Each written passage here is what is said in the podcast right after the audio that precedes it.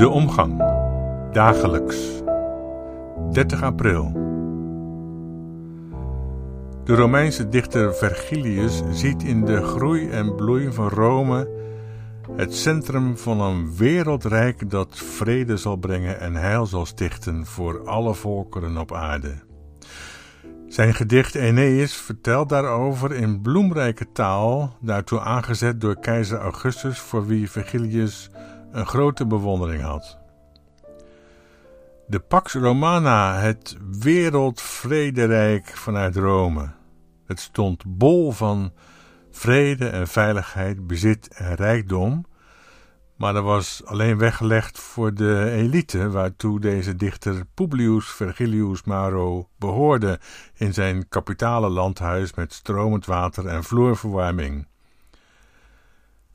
God heeft ons deze rust gegeven, zo zingt Vergil in hexameters.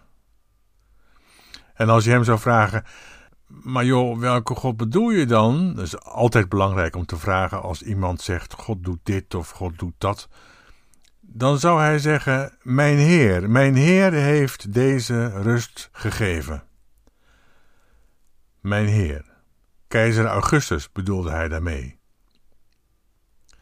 En tegenover de pracht en praal van Rome stond de wereld die dat allemaal mogelijk moest maken.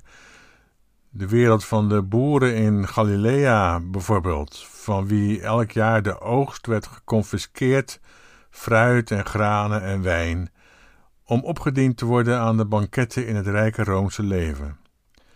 Tegenover Rome stond de wereld van de slaven, een heel andere wereld die van Augustus niet hetzelfde zouden zeggen als Virgilius deed, namelijk de Heere God die voor vrede en welstand en rust zorgde, maar die van Augustus riep: Dit is Farao, maar dan nog erger. De slaven die in opstand kwamen tegen Rome werden gekruisigd, allemaal. Allemaal. Ook hun rabbi, hun meester, hun koning stierf een slavendood. Gisteren vertelde ik van de hoop die in hem was, dat het einde niet zou zijn dat hun God de wereld in vuur en zwavel vernietigend zou onderdompelen, maar zou zorgen dat het einde een rijk van shalom zou worden. Een koninkrijk dat in hem was begonnen, samen met de slaven zelf, die geleerd hadden om het weinige dat ze nog hadden, een stukje brood, te delen met elkaar.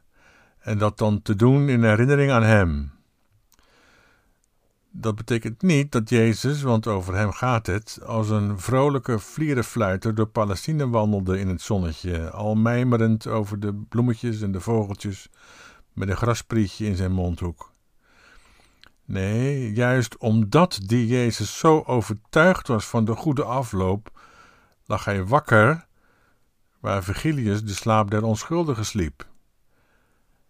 Hij vreesde dat de opstandige gevoelens van radeloze Joodse slaven zouden ontaarden in redeloze opstanden en intifada's tegen de keizer te Rome, die hen in alles aan de farao van Egypte deed denken. Jezus voorspelde niet dat de Romeinen de opstand bloedig en met overdonderend geweld zouden neerslaan en de tempel tot de grond toe afbranden. Hij vreesde dat, en dat is wat anders. Stel, zo vreesde hij, dat dat s'nachts zou gebeuren en zwangere moeders s'nachts uit Jeruzalem zouden moeten vluchten de velden in om een veilig heenkomen te zoeken met hun kind in hun schoot. Oh, oh, oh, wat zou dat verschrikkelijk zijn. Jezus vreesde een enorme orgie van geweld en, en bad of dat de slaven bespaard mocht blijven, waar Virgilius zijn God dankte voor de vrede en de rust, met zijn voetjes op de vloerverwarming en een glas wijn van Galileese druiven in de hand. Maar het kwam, zo'n dertig jaar na de dood van Jezus. Matthäus beschrijft dat net als de andere evangelisten. Niet in Romeins uh, hoogverheven dichterlijke taal, maar in het Hebraïserende Grieks van het Nieuwe Testament, dat voor een man als Virgilius geklonken moet hebben als de brabbeltaal van domme boeren.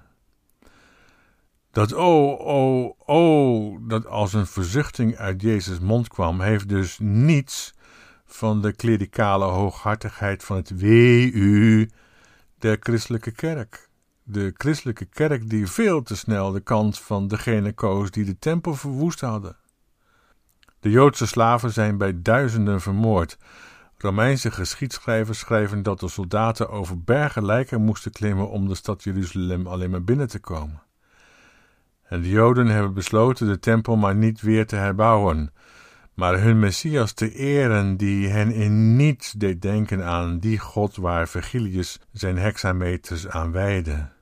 Zij vierden door dat hele Romeinse Rijk heen, in allerlei dorpen, vierden zij Pesach, aten ongezuurde broden, klaar om de komende Messias tegemoet te gaan en de vrede die de wereld zou redden, en niet alleen de Joden, maar ook de Grieken, ook Vergilius, waarvan zij zeiden dat hij zonder God en zonder hoop in de wereld was, de vrede die iedereen zou omvatten, tegemoet te vieren.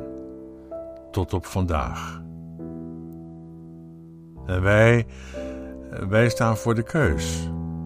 Op welke manier zouden wij onze gedichten schrijven en wie zouden wij daarin tot op grote hoogte vereren?